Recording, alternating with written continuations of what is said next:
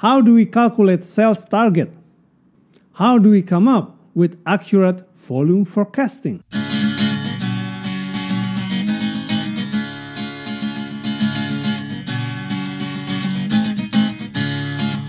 Welcome to Business and Management Podcast. Hello, my friends. How are you doing? I hope that you always be healthy and successful. Welcome to the Business and Management Podcast with myself as the host, Marchell Ludy. In today's episode, we are diving deep into the art of volume forecasting. Let's say you are a marketing manager of a skincare brand. You are about to release a new soap to the market. What should be your sales target? Volume forecasting is of utmost importance. An accurate forecast ensures stable financial planning for your business. On the flip side, a massive volume forecasting usually will cause supply issue. You don't have enough stocks to sell. Or inventory issues. You have too many products piling up without any shipments at all. The principles behind volume forecasting is actually pretty simple. Just remember the three key words awareness, trial, and repeat. Let's break them down one by one. Awareness. How many people are aware or know about your product? Awareness is the fundamental first step. Simply put, if nobody is aware of your product, nobody is going to buy it. Trial or market penetration. Among all of the people who are aware of your product, how many of them are willing to try your new soap, your new product, even just one time? Repeat. Among those who have tried your product, how many of them becomes repeat customers? How many of them are buying your product for the second time, third time, and subsequent times? For example, let's say you are selling a new brand soap to the market. If you are targeting a region or a market with a size of 100 million population, let's just say that, and 10% of them are aware of your product, this means your awareness level is 10%. Now, let's assume that only 50% of people who are aware of your product are willing to try to buy just once.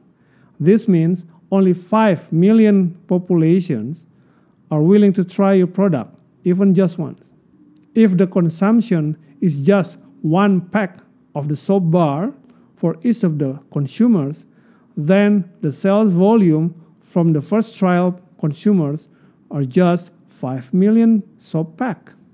Now, let's assume that only 20% of those 5 million consumers are becoming your repeat customers.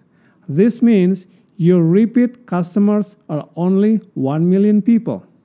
Let's assume those repeat customers are buying your soaps twice a year.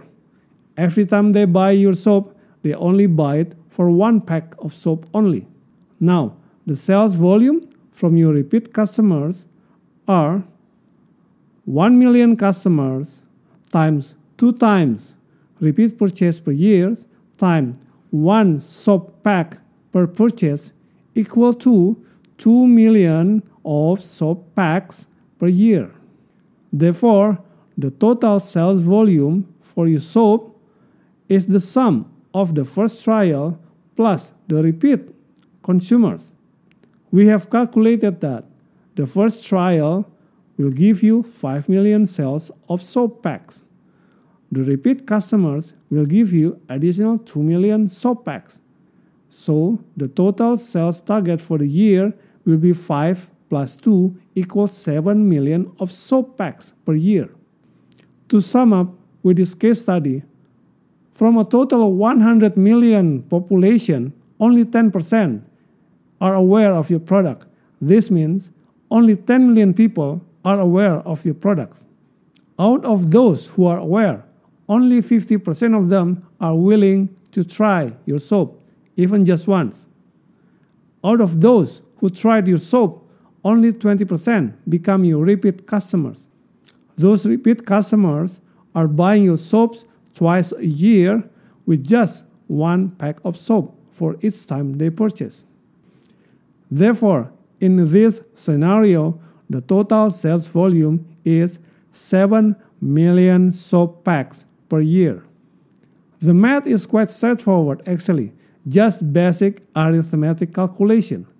No need the complex integral or trigonometry. Right? What about you? What methods do you use to calculate the volume forecast in your business? Feel free to share in the comment sections below. If you feel that this podcast is beneficial, please click like and subscribe. Don't forget to share with your friends so we can spread the benefits. Thank you so much. May you always be successful. All the best.